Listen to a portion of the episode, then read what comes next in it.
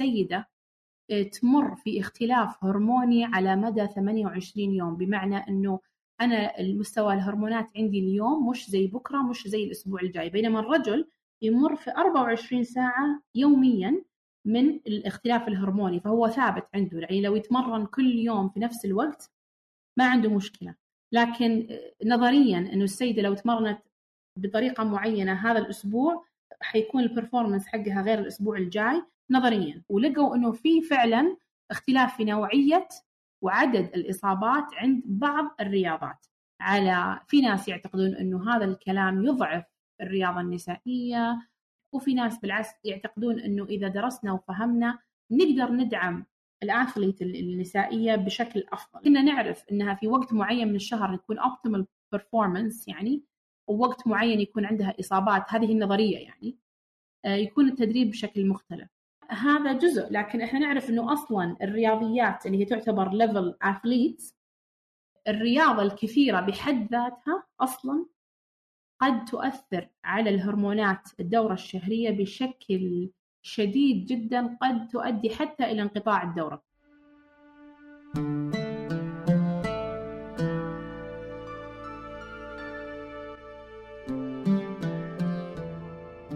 أهلا وسهلا بكم في فيزيوكاست أنا محمد الحارثي وحلقتنا اليوم الحديث عن دور العلاج الطبيعي في صحة المرأة واضطراب قاع الحوض ودوره في مرحلة الحمل وما بعد الولادة وصحة ارتباط سكر الحمل في آلام الحوض وصحة انتشار علاج ما يسمى بالانفصال العضلي في الأنتي رياضية وتأثير سلس البول على جودة الحياة ودور العلاج الطبيعي. مع ضيفتنا الدكتورة رفيف الجريفاني أستاذ مساعد في كلية الصحة وعلوم التأهيل بجامعة الأميرة نورة أخصائي أول علاج طبيعي في صحة المرأة. حياك الله دكتور رفيف في فيزيوكاست وشاكرين لك قبول الدعوة. أبدا حياكم. شكرا لكم على الدعوة الكريمة. من أخصائية حالمة وصولا إلى أستاذ مساعد ومتخصصة في صحة المرأة كيف مرت هذه المسارات من بداية مرحلة البكالوريوس إلى اليوم؟ يعني القصة من البداية. من البداية يعني من يوم إما التخرج أو قبل العلاج الطبيعي يعني. قبل العلاج الطبيعي أنا أصلا الرغبة الأولى كانت علاج طبيعي من الأساس. آه، خلصت المرحلة الثانوية وكان هذا هو يعني هدفي من المرحلة الجامعية. فدخلت جامعة الملك سعود كلية العلوم الطبية التطبيقية بهدف الانضمام لقسم العلاج الطبيعي من الأساس. وكانت كل مرحلة البكالوريوس بالنسبة لي آه، هي طبعا اللي فيها تعرفت على الجمعية السعودية للعلاج الطبيعي ومن هذاك الوقت وأنا من يوم ما دخلت يعني التخصص في أول مستوى وأنا عضو فعال في الجمعية آه، لأنها كانت هي السبب اللي يخليني أتحمل الدراسة وكانت السبب اللي يعني أشوف يعني كأني أشوف نهاية المشوار وين وين بيكون. لما أشوف زملائي آه، اللي عندهم كل هذا الشغف للتخصص والخدمة المريض كانت هي الدافع الأساسي. وخلصت مرحلة الدراسة. صارت عندنا سنة الامتياز. آه، خلال سنة الامتياز قضيت أول ستة أشهر في مستشفى الملك خالد الجامعي. وهناك تعرفت من بعض الأخصائيات على دور العلاج الطبيعي في اضطرابات قاع الحوض. كان بالنسبة لي أول مرة أسمع هذا الشيء. جميل. وخلال مرحلة الامتياز صرت أدخل دورات تدريبية. ذاك الوقت كان في أكثر من دورة خلال هذيك السنة يعني من حظي. المتخصصين من دول مختلفة جو للمملكة وعطوا دورات في مجال تأهيل القاعدة فكانت الدورات اللي أخذتها ماشية يعني مع مرحلة الامتياز ومن بعدها انتقلت لمدينة الملك فهد الطبية وبرضو من حظي إنه كان هناك زميلاتي في منهم بادي بالتخصص وكان طبعا. الشيء المميز في مدينة الملك فهد الطبية إن فيها مستشفى النساء والولادة يعني مستشفى قائم كامل لصحة المرأة فكانت فرصة ذهبية إني أتعلم وأشوف حالات كثيرة. طبعا تخصص تأهيل قاع الحوض بالذات اللي هو جزء من تخصص من آه، تخصص صحة المرأة هو تخصص يعتبر ما بعد التخرج يعني postgraduate فبالتالي لما أنا كنت في مرحلة الامتياز ما كان مسموح لي إني ألمس مرضى أبدا يعني. لكني كنت مع الزميلات قد ما أقدر أحضر أكتب ملاحظات أدرس آه، إلى ما تخرجت وتوظفت في مدينة الملك فهد الطبية. هذه كانت أول وظيفة لي كأخصائي. آه، طبعا آه، أنا لما توظفت أنا ما أعرف إذا ما زال هذا النظام موجود أو لا بس هذاك الوقت كانت المستشفيات التخصصية عندها شيء اسمه أول سنة لما تتوظف اسمه on job training. أنا ما أعرف إذا ما زال موجود أو لا. حتى كانوا يختصرونه يسمونه OJT فكانوا ينادونا ال OJTs وال OJTs فكان المطلوب إنك تمر على جميع الأقسام في هذه السنة ما بعد الامتياز يعني أول سنة وظيفة تمر على جميع الأقسام آه، ومطلوب منك آه، بعض يعني في معايير كثيرة تقدم presentations آه، تقدم تشيل تثبت إنك تقدر تمسك اللود كامل. يعني كان في يعني كان صراحة التدريب في مدينة الملك فهد الطبية أنا محظوظه كنت كان جدا قوي والزملاء والجو العام كان رائع. يعني جو كل الناس يبغون يتعلمون. كان عندنا جورنال كلوب كان عندنا حلقات نقاش. فكانت مرة فرصة رائعة إني أبدأ في هذيك المؤسسة. أه وبدأ حب يعني حبي للتخصص الفرعي اللي هو ذاك الوقت ما أعرف شيء اسمه صحة المرأة. أنا بس شفت هذول الناس اللي يشتغلون مع قاع الحوض وصار عندي صرت أخذت الدورات في الامتياز. والحين يوم بديت في ال on job training مع إني كنت في هذه السنة يعني أعتبر بالبداية لكن سمحوا لي إني أشارك مع الزميلات في تأسيس الوحدة. كانت طبعا الله يذكرها بالخير. الآن دكتورة جواهر العقيل الحين هي أستاذ مساعد في جامعة الملك سعود. آه، هي اللي بدأت ال service قبلي هناك. آه، فتعلمت منها أشياء مرة كثير ولأني دخلت في المرحلة مرحلة البداية حطينا البوليسيز مع بعض. آه، واشتغلنا مع مستشفى النساء والولادة مع بعض. وبعدها بعد مدة آه، حصل لي فرصة آه، إني أبتعث من ملك الملك فهد أدرس ماجستير في بريطانيا في جامعة برادفورد. كان في تحدي لأني الماجستير ما كان مفتوح للطلبة يعني من خارج المملكة المتحدة لأنه كان برنامج ماجستير يدرس بشكل بدوام جزئي. آه، لأنه كان موجه للناس اللي على رأس العمل هنا. فبالتالي فعادة آه، هذه الماجستير يعني أنواع الدراسات العليا في بريطانيا تكون في إنك تدرس دبلومات وبالأخير تحط عليها مشروع تخرج وتتخرج.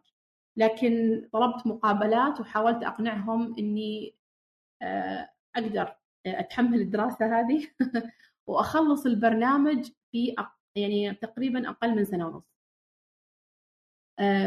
فبدأت وكان تحدي جدا صعب لكن الحمد لله تعلمت منه مرة كثير لأن حصلت لي فرصة تدريبية وفرصة بحثية. جاي يعني من يعني ما كنت أفكر فيها الصراحة. وبرضو تعرفت على زميلات هناك إلى الآن إحنا على تواصل. وهذا هذا من الأشياء اللي دائما أتكلم فيه مع كل المقبلين على الدراسات العليا من إذا ما طلعت من أي درجة علمية خاصة في الابتعاث أو خاصة إذا رحت مكان غير المكان اللي أنت متعود عليه بدون ما تطلع بشبكة من الناس اللي يعني ممكن يفيدونك في المستقبل أتوقع إنك ما حصلت كل اللي ممكن تحصله من من من التجربة.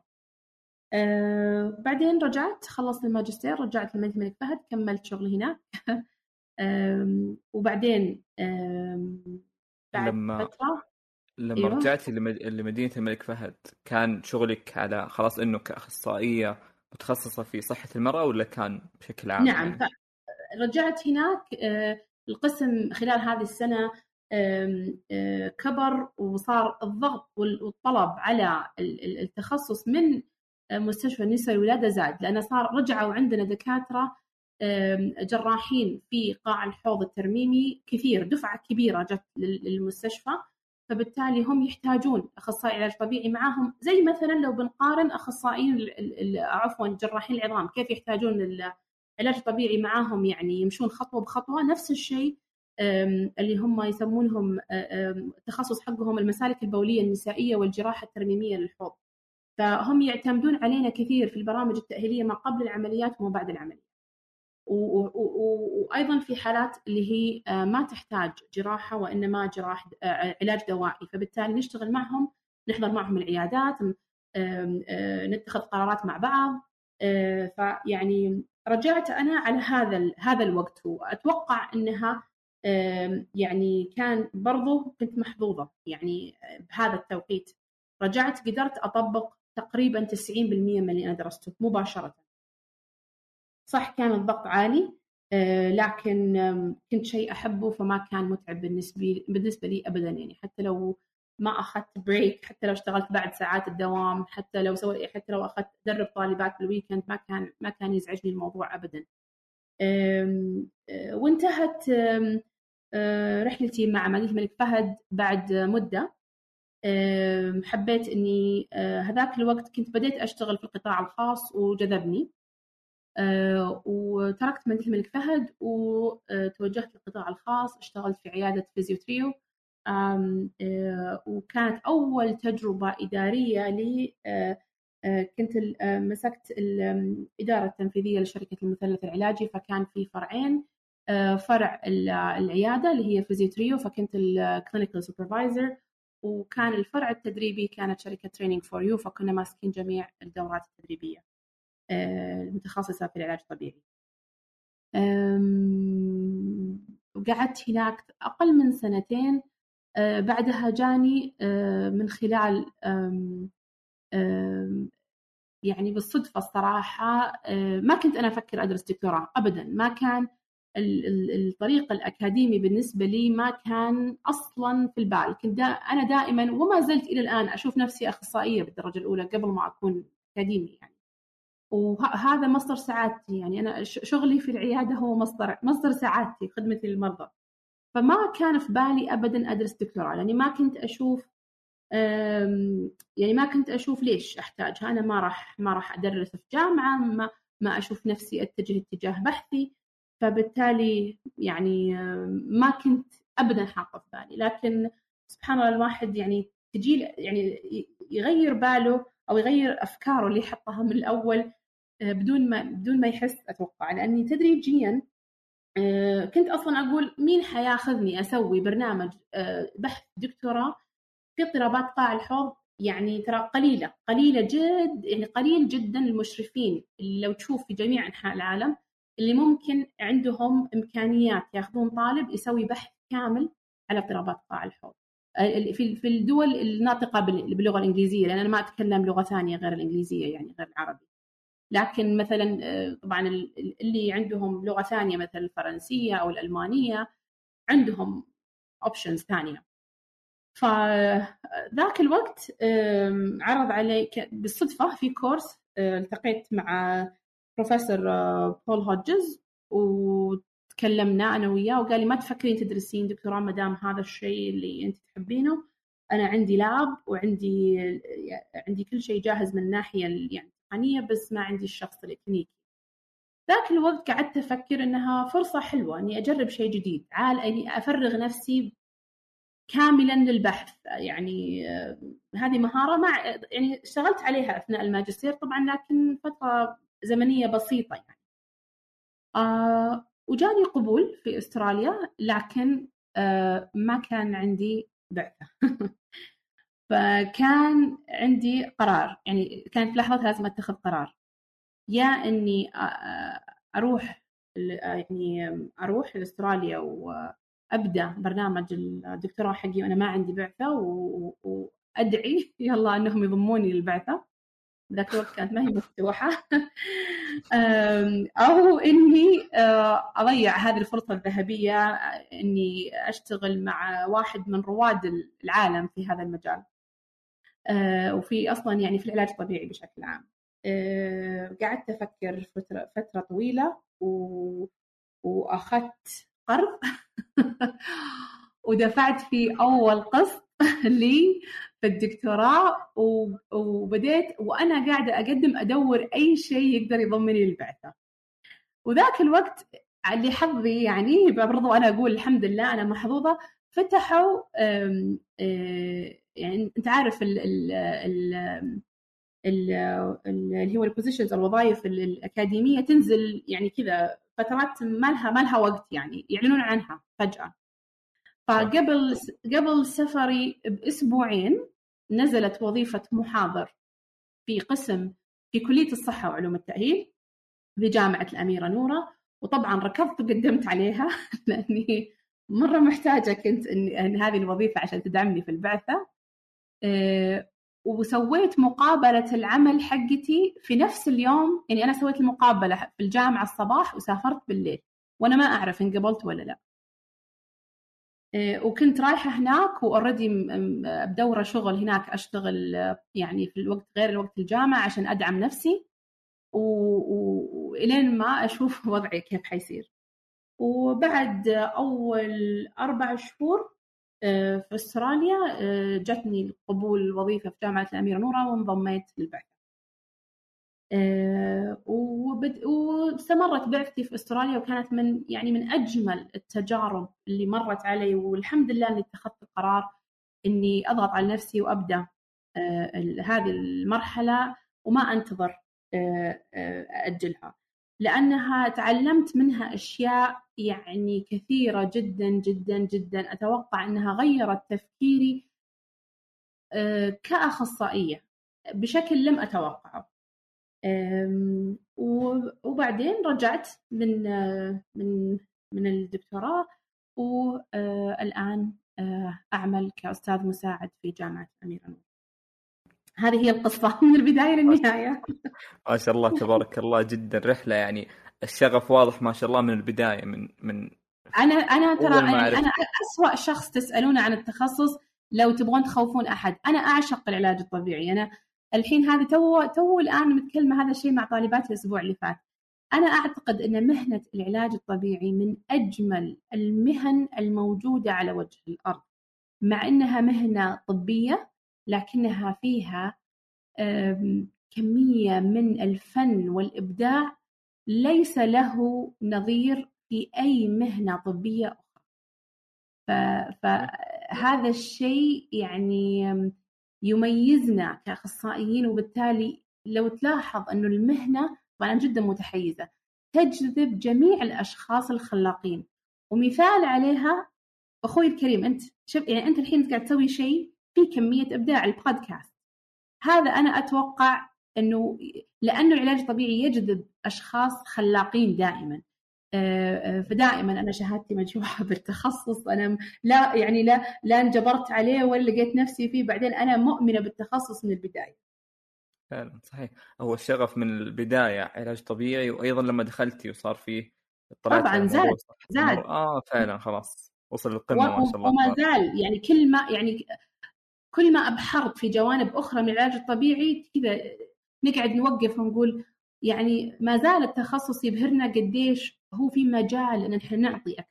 صحيح. في خلال الرحلة هذه قبل تطلعين ل أو لنفترض نقارن ما بين فترة الامتياز ولما توظفتي في مدينة الملك فهد كيف كان اطلاع الناس على موضوع صحة المرأة وعلى بشكل عام يعني وما بعد ما, ما رجعتي من أيوه. الدكتوراه هل كان في جاب واضح في شيء يعني فرق واضح ولا كانوا الناس طبعا. لا مهتمين طبعا طبعا لأنه برضو الزميلات إحنا المجموعة التخصصية لصحة المرأة الزميلات اللي تخصصوا إحنا صار عددنا أكبر والحمد لله يعني صار عددنا أكبر بكثير من اول صح ما زال في نقص لكن عددنا أكبر وما شاء الله يعني يعني زميلاتي في التخصص عملوا يعني بشكل صراحة غير مسبوق. يعني إحنا سبقنا جميع مع أننا من أجد التخصصات في العلاج الطبيعي لكننا سبقنا جميع التخصصات الفرعية الأخرى في إنشاء مجموعتنا التخصصية في انضمامنا للمجموعة التخصصية العالمية وفي بدءنا بالحملات التوعوية والتعاون مع الجمعيات الأخرى المختصة. فبالتالي يعني ال ال ال الوعي المجتمع في هذا المجال يعني يا ريت كان قسناه من الأول إلى الآن يعني بدراسة لأنه إحنا الآن نلمسه بشكل واضح. قاعد نشوف قديش في آه، صارت السيدات لما يجونا كمراجعات صاروا هم يطلبون إذا عندهم مشكلة هم يسألون صار عندهم وعي بالمشكلة أكثر إذا كانت موجودة. فأكيد طبعا فرق شديد يعني من يوم حتى من قبل الماجستير لما رجعت من الماجستير ولما رجعت من الدكتوراه. في في فرق مرة كبير. صحيح. هل كان إنه المرأة كانت فرضا بتخجل من الموضوع إنه أروح لاخصائية علاج طبيعي أو أروح لدكتور أو لدكتورة؟ هل كان الموضوع خجل أو إنه عدم اطلاع أو إيش كان لا ما أتوقع خجل. أتوقع إنه ما ك... يعني أول شيء ال... ال... إحنا لو إحنا طبعا نتكلم بشكل خاص عن مشاكل اضطرابات قاع الحوض اللي هو يعني تخصصي الأساسي. أم... أي اضطراب القاع الحوض يعني بطبيعة الحال هي منطقة يعني تعتبر خاصة فبالتالي النساء فقط متعودين يتكلمون مع طبيبة النساء والولادة في هذا الموضوع. الزميلات والزملاء في النساء والولادة هم نفسهم ما كان عندهم فكرة إنه العلاج الطبيعي له دور. فأول ما يعني زادت المعرفة من جهة أن الخدمة هذه موجودة وأنه الحل قد يكون أبسط بكثير مما تتخيلين فسواء لما زاد الوعي عند الأطباء وعند السيدات اللي يعاني من المشكلة خلاص يعني صار صار الموضوع أسهل بكثير. ما ما أتوقع أن الموضوع في خجل ولا ما يعني ما قد تكلمت مع سيدة عندها المشكلة وقالت لي أن السبب أنها ما راجعت هو الخجل. هو فقط اعتقاد بأنه ما في حل للمشكلة أو أن الحل صعب جدا أو أنه الحل هو جراحة فقط. فبالتالي تقول لك أنا ما أبغى أسوي عمليات ما أبغى أدخل يعني فهذا يعني الوعي هو بعدم وجود يعني الوعي الآن أنه صار في حل هو هو اللي اللي سوى الفرق. جميل. هل فترة اللي هي ما قبل الولادة أو بعد الولادة لها ارتباط؟ أكيد في اضطرابات قاع الحوض. فهل المشاكل صحيح. أيوة. اضطرابات قاع الحوض قد يعني آه، هي آه، موجودة عند المرأة والرجل وموجودة عند الشخص البالغ وموجودة عند الطفل يعني قد توجد. لكنها أكثر انتشارا عند النساء في عمر في الأعمار الحمل والولادة. بطبيعة آه، أشياء كثيرة. طبيعة لأنه هذه مرحلة اختلاف هرمونات آه، فيه يعني آه، الحمل يتطلب يعني جسديا ويعني متطلب كبير من الأنسجة والعضلات والأعصاب فبالتالي هذا الطلب العالي اللي يصير في فترة قصيرة تسع أشهر فترة قصيرة يعني بالتغيرات الكبيرة وبنفس الوقت هي فترة طويلة من التعرض للمستمر آه، من العضلات والأنسجة والأعصاب لتعرضها المستمر آه، آه، من التغيرات الهرمونية والضغط الفيزيائي عليها. فبالتالي تخليها عرضة. هذه للحمل. الولادة نفسها أيضا لأنها ممكن يصير فيها إصابات ممكن نسميها آه، إصابات كثيرة ممكن سواء الولادة الطبيعية أو القيصرية ممكن يصير فيها مضاعفات إصابات كثيرة لمنطقة قاع الحوض آه، وهذا طبعا إحنا عندنا آه، صح يعني صح أن الولادة الطبيعية نسبة أنها يكون فيها بعض الاضطرابات الحوض أعلى من الولادة القيصرية لكن الولادة القيصرية لا تحمي من جميع الاضطرابات. فبالتالي بالعكس في اضطرابات معينة تكون أكثر شيوعا في الولادة القيصرية. فبالتالي ولكن هل الرجل يكون عنده اضطرابات في قاع الحوض؟ نعم مع مشاكل البروستات أه، يكون فيه. وطبعا الأفضل شخص ممكن يفيد أي أحد في هذا الموضوع. الزميل الأخصائي سلطان المفلح هو الأخصائي السعودي الوحيد المتخصص في اضطرابات قاع الحوض عند الرجل. آه، فبالتالي آه، برضو يعني إذا هذا الشيء منتشر كفاية في أنه يكون عندنا هذا التخصص. لكن المشكلة أكبر ومتنوعة بشكل أكبر عند النساء لأنها آه، متعددة الجوانب ومتعددة الأسباب عند النساء فبالتالي تندرج بشكل كبير تحت تخصص صحة المرأة. جميل. إحنا دخلنا في موضوع الولادة وما بعد الولادة وبالأخص اللي هي الولادة الطبيعية. أيوة. في في ما بعد الولادة الطبيعية في بحث نشر في بداية السنة هذه 2022 هو ارتباط آلام الحوض بانفصال عضلات البطن وعظمة العانة أو ال pubic symphysis بعد الولادة. كاخصائيه علاج طبيعي أو كأخصائي علاج طبيعي كيف ممكن يتعامل مع هذه الحالة خاصة إنه راح تكون بعد الولادة بشكل مباشر. كيف يتعامل مع الألم كتأهيل ريهابليتيشن أو بالأخص المشكلة اللي فيها انفصال العظم. موضوع انفصال العضل الآن كويس إن تكلمت عنه. أي شخص يتابعني على تويتر يعرف إنه هذا الموضوع أنا بالنسبة لي ماخذته بشكل شخصي. ليش؟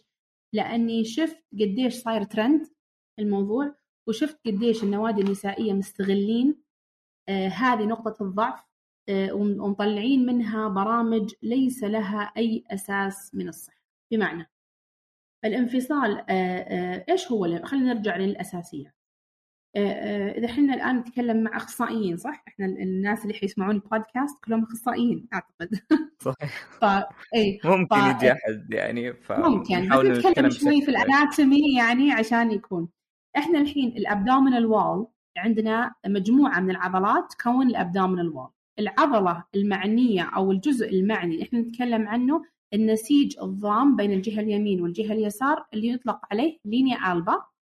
وأكثر عضلة مشبوكة فيه على طول مباشرة عندها direct attachment اللي هي ال rectus abdominis إحنا نتكلم عن عضلة تمتد من أسفل القفص الصدري من ال xiphoid process آه، تنزل caudally باتجاه ال pelvis وتشبك في ال pubic symphysis والنسيج اللي يشبك بين الجهة اليمين واليسار ال linea alba هذا النسيج يتعرض للتمدد أثناء الحمل بشكل يعني منطقي عشان يشكل مساحة للجنين الذي ينمو. إذا أي سيدة تحمل يتمدد عندها الغشاء الرابط الدراسات الحديثة اللي آه، تمسك الجهة حقت ال biomechanics حقت التمدد فيها الآن تدلنا بشكل أكبر إنه إنه أكثر تمدد مش زي ما إحنا نتخيل يصير في في ال linea alba وإنما يصير في الجدار الجانبي وبعض ال fascia اللي ما اندرست بشكل تفصيلي ولكن هذه ما راح أدخل فيها بتفاصيل آه، لأنها فيها يعني كثير من النقاط اللي عليها خلاف.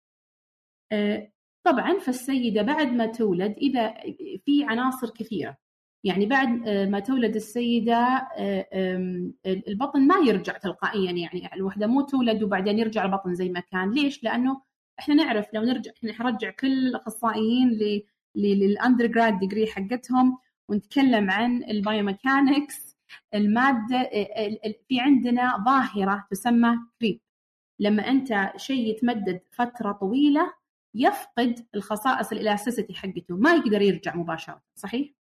يعني يفقد الخصائص اللي ترجعه resilience آه، فبعض العضلات يصير هذا أو بعض الاغشيه بعضها عند بعض النساء تصير في هذه الفينومينال والتمدد هذا بعد فترة إحنا عادة نقول بعد سنة من الولادة ما يرجع البطن مثل ما كان وهذا عند الأغلب يتغير شكل البطن. كمية التغير أو شكل التغير ونوعية التغير يختلف من سيدة لأخرى. الآن في تركيز كبير على منطقة اللينيا ألبا أو حوالين السرة. آه، وفي test طبعا والتمدد هذا بعد الولادة. إذا لقيناه نسميه diastasis rectus abdominis diastasis يعني في gap أو في آه، آه، فراغ آه، إذا كان هذا التمدد كبير طبعا في طرق كثيرة أن نقيسه يعني أو عريض جدا. في ناس يقيسونه بالأصابع في ناس يقيسونه بال calipers له طرق قياس كثيرة لكن في مرحلة يصير التمدد جدا كبير آه، وبهذه الحالة ما نتوقع أنه أي شيء يساعد. طيب نرجع للبداية. طب هل موضوع هذا التمدد خطير؟ يعني مثلا هل هذا التمدد ممكن لا سمح الله يسبب مشاكل ثانية؟ زي الدراسة اللي أنت ذكرتها الآن. هل هذا ال rectus abdominis حيسبب لي مشاكل في ألم في الظهر؟ كانوا كانوا من زمان يقولون diastasis rectus abdominis أو ال DRA it causes back أو it causes incontinence. أو حتسبب لك مشاكل ثانية. إذا حنا بنشوف الدراسات ونكون صريحين ما في أي دليل قاطع يقول إنه الدياسيسز حتسبب لك مشكلة. يعني النساء اللي عند لقوا عندهم دراسات الموجودة حاليا ومنها الدراسات الثنتين اللي تتكلم عنهم النساء اللي لقوا عندهم مشاكل اضطراب في الحوض برضو لقوا عندهم diastasis جزء منهم مش كلهم. وإيش سووا؟ احصائيا سووا correlation فقط. وجدوا بعض ال correlation هل ال correlation تقدر تعطيني أنا آه، معلومة آه، اللي هي نسميها cause and effect relationship لا. عشان أبغى أعرف cause and effect relationship لازم أبدأ أتابع سيدة من قبل ما تحمل وال abdominal wall حقها تمام وما عندها اضطرابات قاع الحوض وأتابعها على مدى حملها وولادتها وأتابع عدد كبير من السيدات عشان أقدر أوصل لهذا الاستنتاج. فبالتالي إلى يومنا الحالي ما عندنا أي دليل قاطع يربط اللي هو الانفصال العضلي ما يعرف في الميديا بالانفصال العضلي مع إني أنا ما أحب هذا المصطلح لأنه يعطي انطباع إنه في شيء منقطع أو متحرك من مكانه هو تمدد فقط للجدار البطن. فما في شيء حاليا يثبت ذلك. إلى يومنا الحالي يعتبر هذا التغير هو تغير شكلي فقط. أنا أعرف هذا كلامي ما يعجب ناس كثير. لكن إذا إذا إذا أحد عنده argument بالنسبة للايفيدنس أنا ويلكم يعني إنه إنه welcome you to to talk to me about it. أنا هل تسألني رأيي كأخصائية؟ آه، الحين أترك ال research وال evidence على جنب. تسألني رايك كأخصائية لما أنا أجي تجيني سيدة ما بعد الولادة هل أنا أهتم بهذا ال issue yes I do لأن آه، آه، مستحيل إحنا نعرف إنه لما يصير في تغير في, الأنسجة والطريقة اللي تطيب فيها أو ال healing process يعتمد على عناصر كثيرة منها الأشياء يعني الوراثة عند الشخص على ال nutrients اللي موجودة for the healing عناصر مرة كثيرة. فلما نشوف السيدة ما بعد الولادة ويكون عندها انفصال عضلي ويكون عندها مشاكل قاع حوض ويكون عندها آلام حوض آلام حوض وآلام ظهر يعني عندها مشاكل مركبة ما راح نترك جزء من الموضوع مستحيل. لأنه إحنا ال general rule حقنا في ال musculoskeletal اللي هو الأساس ال treatment حقنا ك physical therapist إيش هو؟ always treat joint above and joint below صحيح؟ صحيح. صحيح. فبالتالي ليش إحنا نعامل البطن كشيء مختلف من الناحية ال musculoskeletal ينطبق عليه نفس الشيء. فأنا إذا كان عندي شيء ملموس كأخصائي علاج طبيعي يعني عندي weakness عندي فرق بال timing عندي مشكلة في ال coordination عندي asymmetry حتعامل معها زي ما أتعامل مع أي جزء ثاني من الجسم. لكن أقول إني أنا أعالج الانفصال العضلي أو التمدد العضلي لارتباطه بمشاكل قاع الحوض وألم الظهر أنا أتوقع إن هذا الكلام لأنه غير مقبول لأنه ما في أي دليل علمي يتبع هذا يعني يدعم هذا الكلام. وأتوقع أنه في كثير من النوادي الآن تسوي دعاية أنه عالج الانفصال العضلي بثمان أسابيع ولا تبغين بطنك يرجع زي ما كنتي قبل الولاده we cannot make this this يعني promise. ما نقدر. يعني هذا إنه كلام يعني آه، فارغ الصراحه يعني ما تقدر تسوي تقول لوحدة بكذا من غير ما تسوي لها assessment إذا هي تقدر زي أي شيء ثاني. لو بأأهل رياضي ترك الرياضة من عشر سنوات. وبقول لا جسمك حيرجع زي ما كان وأنا ما سويت له assessment ما أعرف هل عنده injuries هل صار عنده مشاكل في الكولاجين هل صار عنده مشاكل في ال healing ما أقدر قبل ما أسوي له assessment صحيح. ف... ف... فيعتمد كثير كثير هذه ال... ال... زي كل شيء عندنا في التأهيل. مهم جدا individualized approach person by person. ما في برنامج عام وقالب عام يساعد الجميع. هل جيد إن السيدة تنضم البرامج ما بعد الولادة للحركة؟ Always. Activity comes first. أنا الهدف عندي إنه السيدة تكون as active as possible ما بعد الولادة لأنه مهم لصحتها الجسدية والنفسية وال healing فإحنا عندنا دليل علمي قاطع يثبت هذا الكلام. فأنا مرة مهم إنها تنضم البرامج فيها activity ترجع للجيم ترجع تسوي الأشياء اللي تحب تسويها. فهي لازم تسوي rehabilitation لجسمها بشكل عام عشان برضو تتحمل الاعباء الجديدة. عندها أطفال تشيلهم الرضاعة أشياء كثيرة يعني. فالتاهيل ما بعد الولادة إحنا نسميه تأهيل لكن أتوقع إن لازم يكون في كلمة ألطف من كذا. يعني أو برامج ما بعد الولادة. هي برامج لها جوانب مختلفة لكن الهدف الأساسي منها دائما هو health promotion أنا أتوقع في, في يعني في الدرجة الأولى. بعدين تجي الأشياء الأخرى. هل ذكرتي إنه كلمة ألطف من تأهيل عشان إنه تأهيل بيكون أيوة. راجع من إصابة؟ هذا المقصد بالضبط بالضبط. أنا أتوقع إنه في كثير آه، شفت ال studies اللي أنت referred to واحدة من العناصر اللي شافوها اللي هي fear avoidance لأنه أتوقع إنه في كثير في الميديا الآن يحسس السيدة الحامل إنها تمر بحالة غير طبيعية. أو إنها تمر في حالة يعني يا لطيف انت حتصير لك جميع إصابات الدنيا وانت تحتاجين تأهيل. آه، كلمة تأهيل زي ما قلت تعطي انطباع إنه أنا قاعدة أو قاعد أتعافى من إصابة. هل أثر الولادة دائما يكون أثر الإصابة؟ لا. في سيدات يمرون في الولادة مرور ما شاء الله ما يمر عليه يعني ما تتأثر أجسامهم ولا شيء. هذا وراثي طبعا ما عندنا تحكم فيه. وهذا جزء يعني ما هو كبير من السيدات. الأغلب من السيدات تمر بالحمل والولادة بأثر بسيط خلينا نقول. ونسبة أثر كبير. فإحنا عندنا ثلاث أقسام. قسم يمر ما في أي أثر قسم يمر بأثر بسيط وهو الأغلب والثاني قسم بسيط يصير فيه إصابات شديدة. فبالتالي أنا بس عشان كلمة تأهيل آه، تأهيل أتوقع تنطبق على الناس اللي عندهم إصابات شديدة يعني ما آه، هم مش الأغلبية. ف في, ال social media الآن في تخويف للسيدات. فالدراسة اللي اللي اللي قلت لنا عليها قبل شوي فيها برضو شافوا ال fear avoidance أتوقع الدكتور فارس العريبي هو أفضل شخص يتكلم في هذا المجال.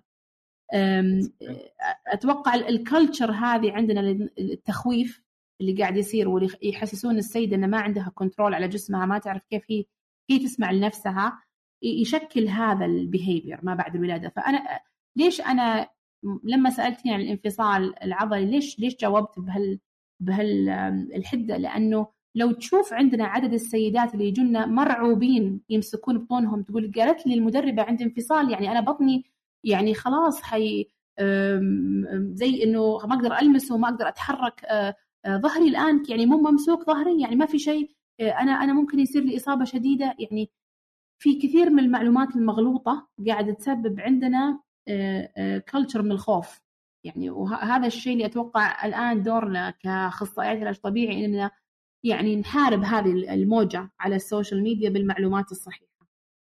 جميل. هل هذا الكلام برضو ينطبق على موضوع الانفصال العظمي اللي هو ال أيوه. موضوع أيوه.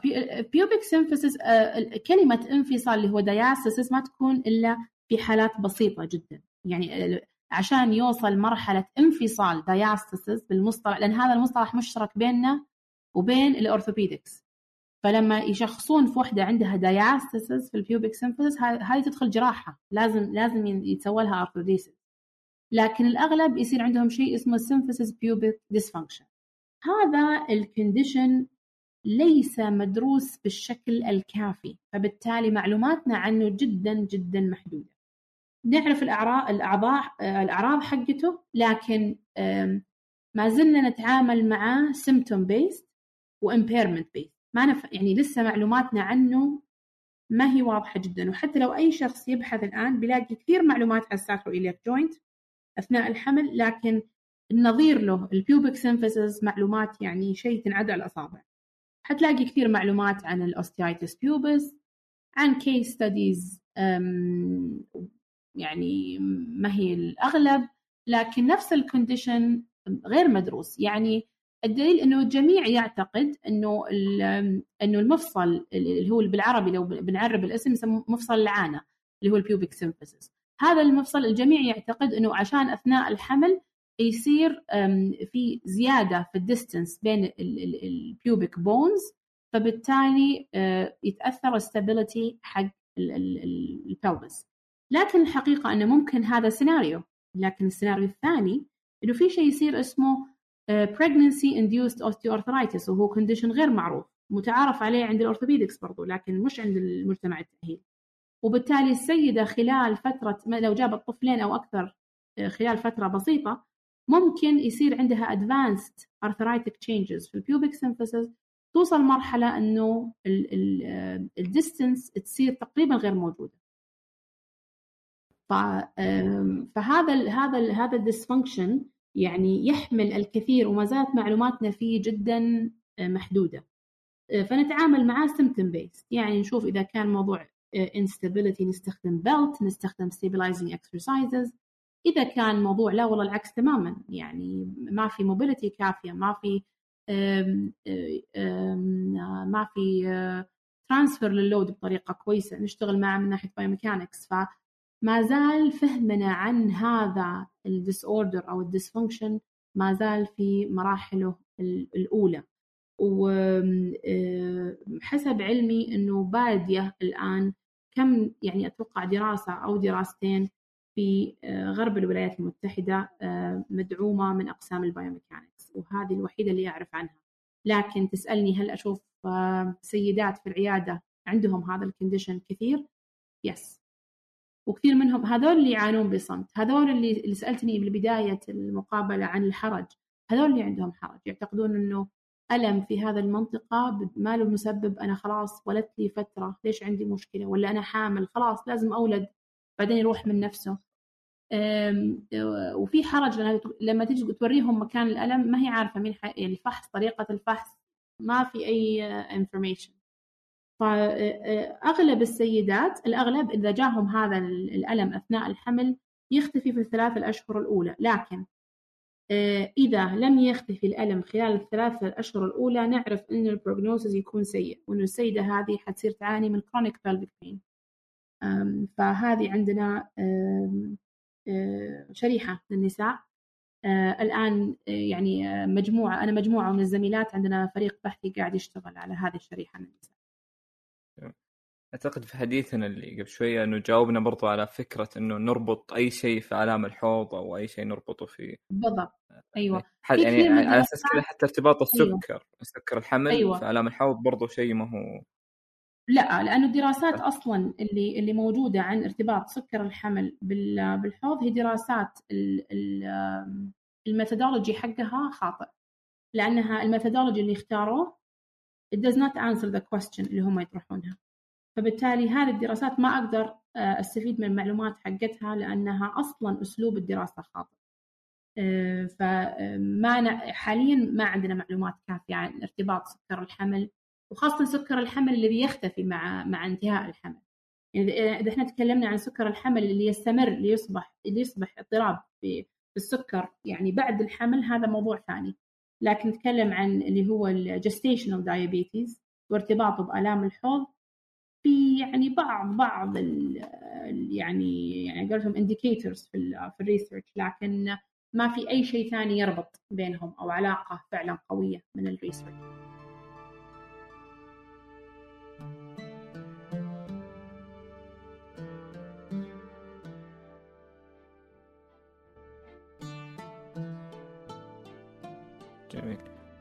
ذكرنا سلس البول أو ال urine incontinence قبل شوي في لقطة بسيطة بس كان في بحث أيوة. منشور عن مدى انتشاره في لدى نساء الولايات المتحدة الأمريكية وكانت تقريبا النتائج أعتقد كانت دراسة بين 2015 إلى 2018 ونشرت قبل فترة وكان النتائج أيوة. إنه إلى 60% من النساء اللي عملوا عليهم كان لهم لو بالأقل تجربة واحدة على مع سلسل البول بأنواعه فهذا العدد كبير جدا يعني 60% من اللي نعم. في البحث كثير جدا.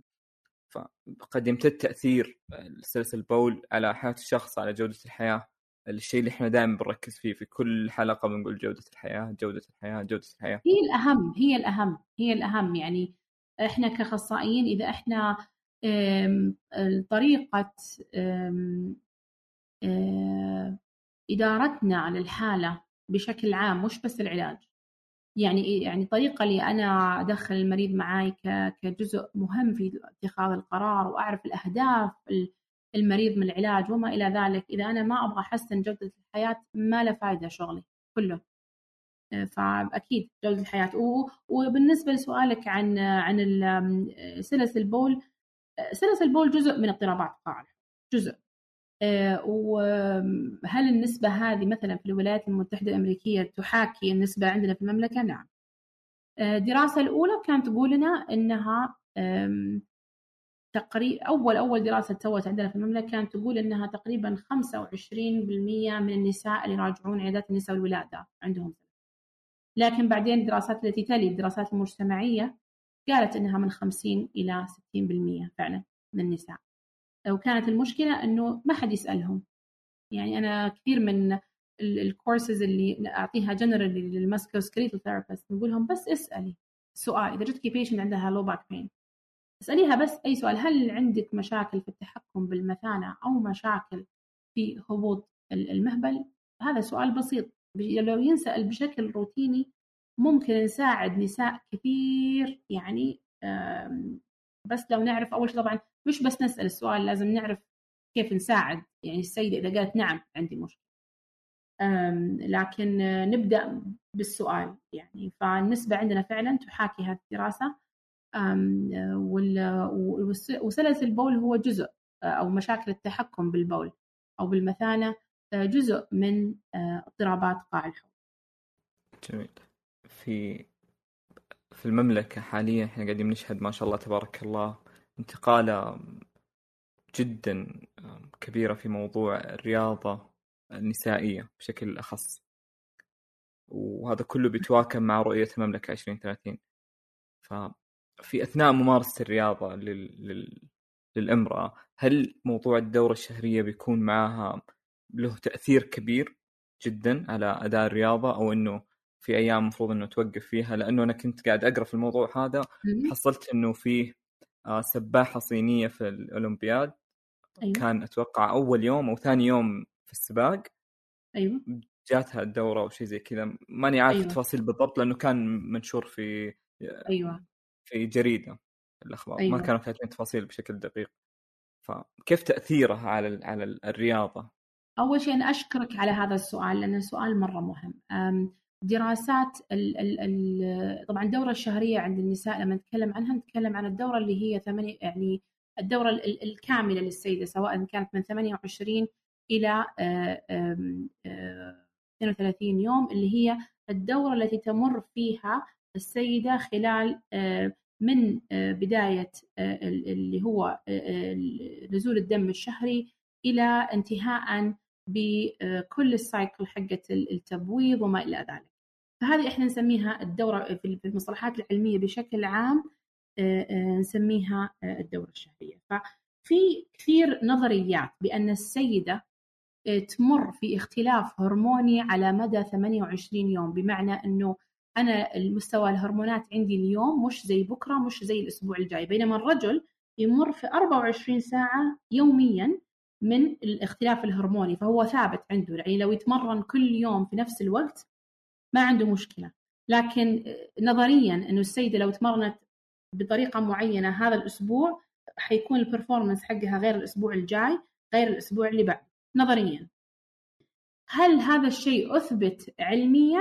حقول لك في اختلاف. يعني في دراسات عن الإصابات الرياضية للسيدات آه، في مرحلة التبويض غير المرحلة يسمونها الجسم الأصفر غير مرحلة آه، نزول الدم. يعني ولقوا أنه في فعلا اختلاف في نوعية وعدد الإصابات عند بعض الرياضات.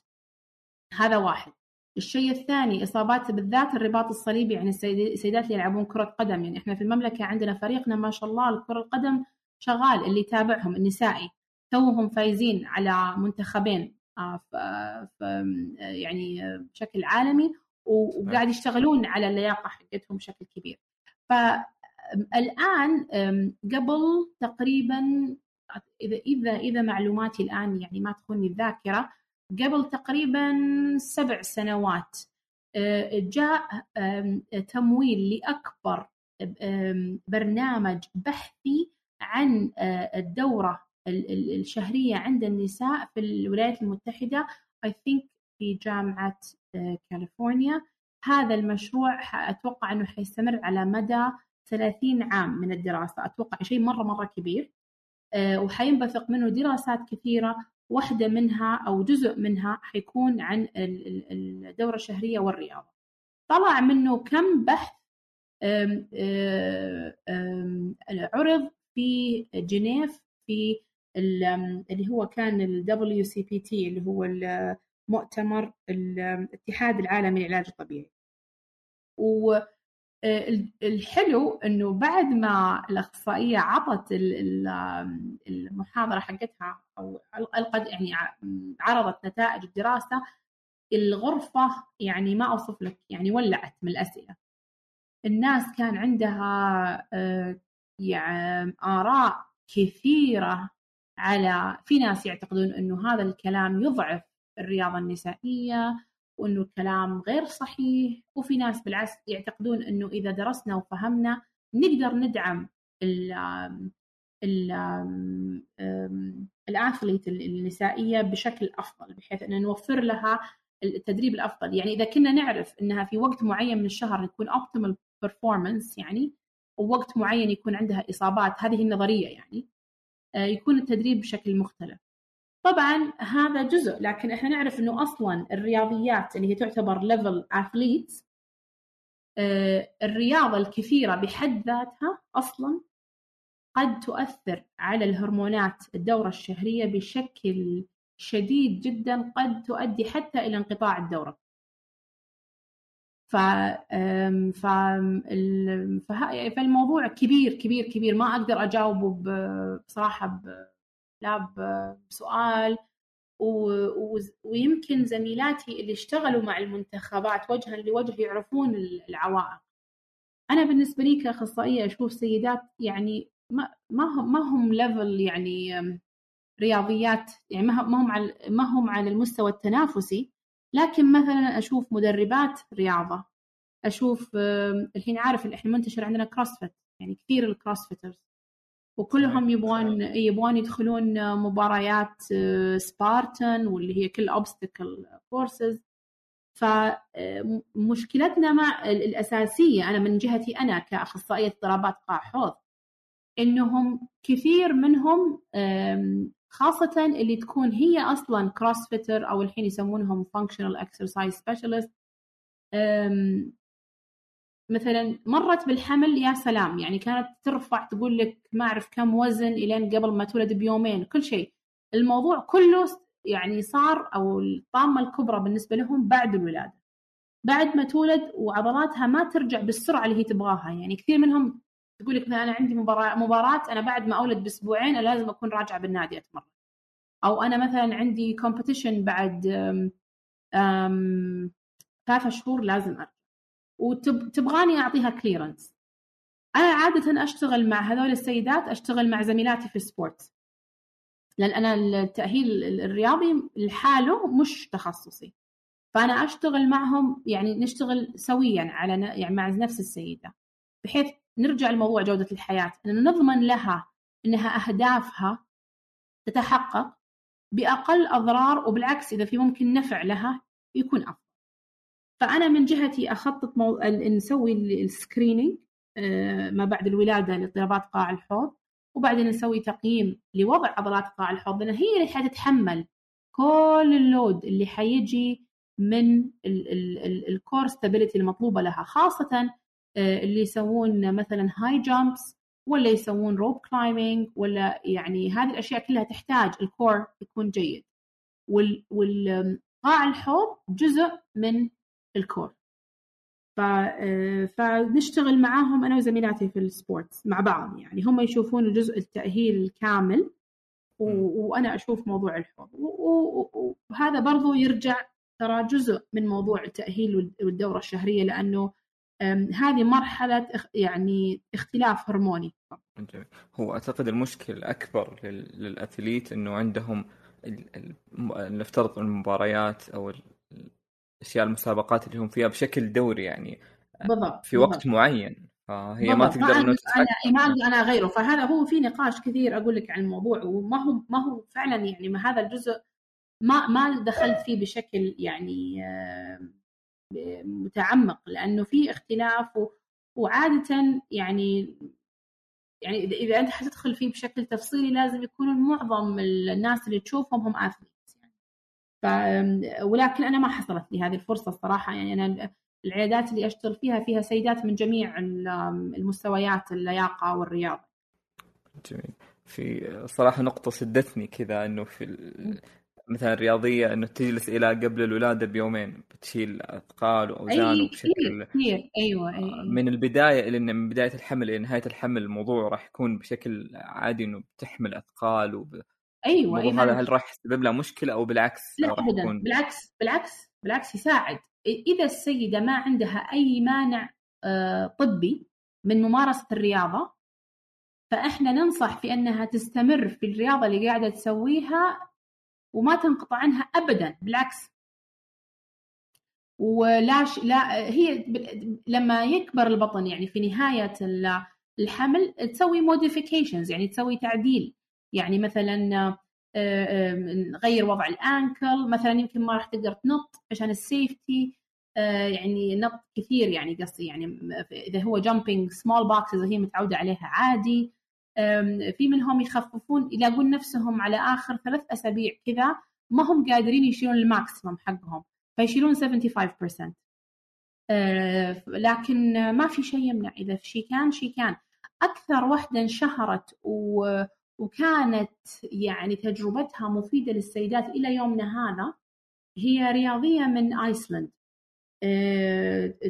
تشتغل يعني هي power lifter وتشيل آه، أوزان. و so كانت خلال الحمل حقها كانت فرحانة أنها ولا يوم واحد هي يعني هي آه، يعني المستوى حقها رياضية أولمبية.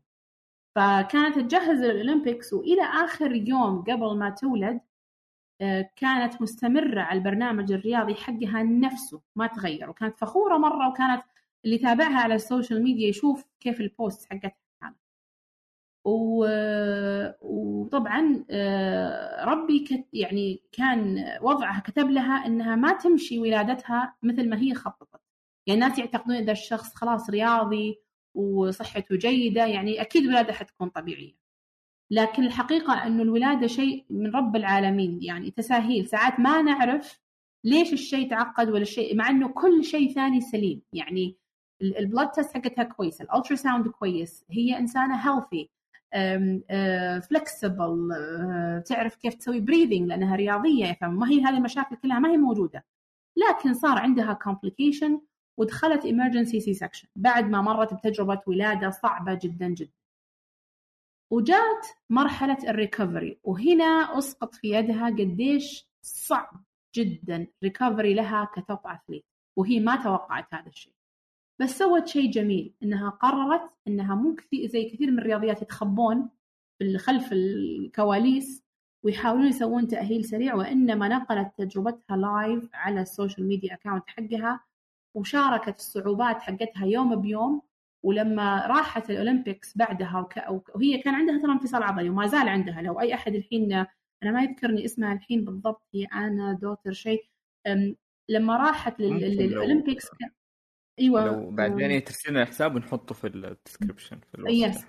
آه، لما راحت ال- الاولمبيك الناس علقوا على شكل بطنها مرة كثير.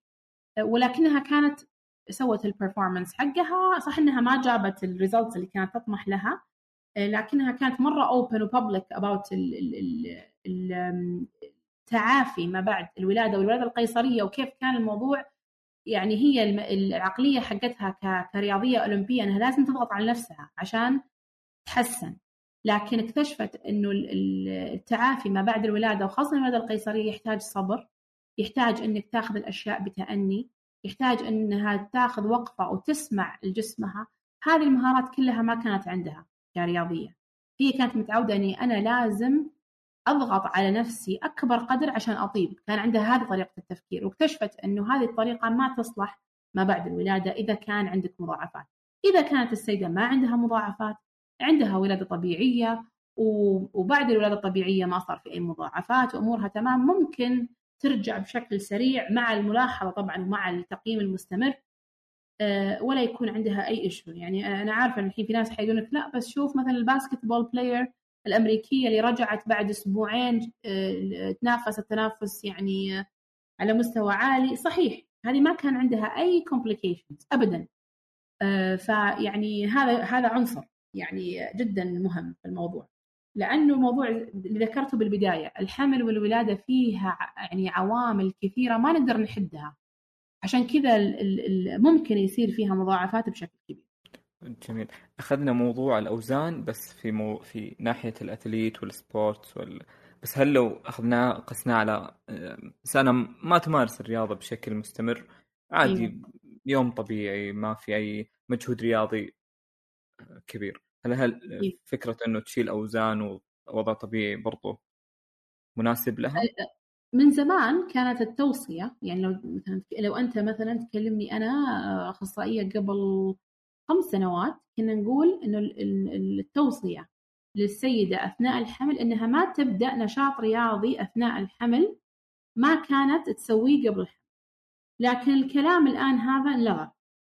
لأنه لأنه دراسات اللي أجريت على سيدات حوامل لقوا أنه الفائدة من أي نشاط رياضي إضافي تفوق بكثير احتمالية أنه يصير في إصابة أو أو مضاعفة أو ومستحيل يقول لك إنه رياضة الأغلب طبعا بالحمل الخوف من إنه يكون في في في أثر على الجنين دائما. لكن الرياضة بجميع أنواعها يعني وجدوا إنه مستحيل يكون في أي أثر على الجنين. حتى لو هي رياضة فيها السيدة كانوا يخافون من اللي هو ال level حق ال cardio إنه يزيد يعني نتكلم إنه ال heartbeat أكثر من 75% لكن هذا الكلام كله الآن صار قديم. صرنا ننصح الوحدة إنها تسوي رياضة حتى لو تبي تبدأ تسوي رياضة أثناء الحمل وهي ما قد سوت رياضة بحياتها قبل كذا تبدأ لكن تبدأ بشكل تدريجي وتبدأ تحت إشراف جيد سواء كانت أخصائية علاج طبيعي متخصصة أو أخصائية تدريب رياضي لكنها عندها التدريب الكافي والجيد للتعامل مع سيدة حامل ما عندها مضاعفات. أول ما يصير عندها أي مشاكل مضاعفات لازم تشوفها أخصائية علاج جميل جدا. الله يعطيك العافية دكتور رفيف شاكرين لك جدا ومقدرين وقتك والمعلومات المثرية. أبدا. حياكم. الله يعطيك العافية شكرا. جزيلا دكتور رفيف شكرا لكم مستمعينا. اقترحوا لنا من ترغبون سماعه في فيزيوكاست. في أمان الله.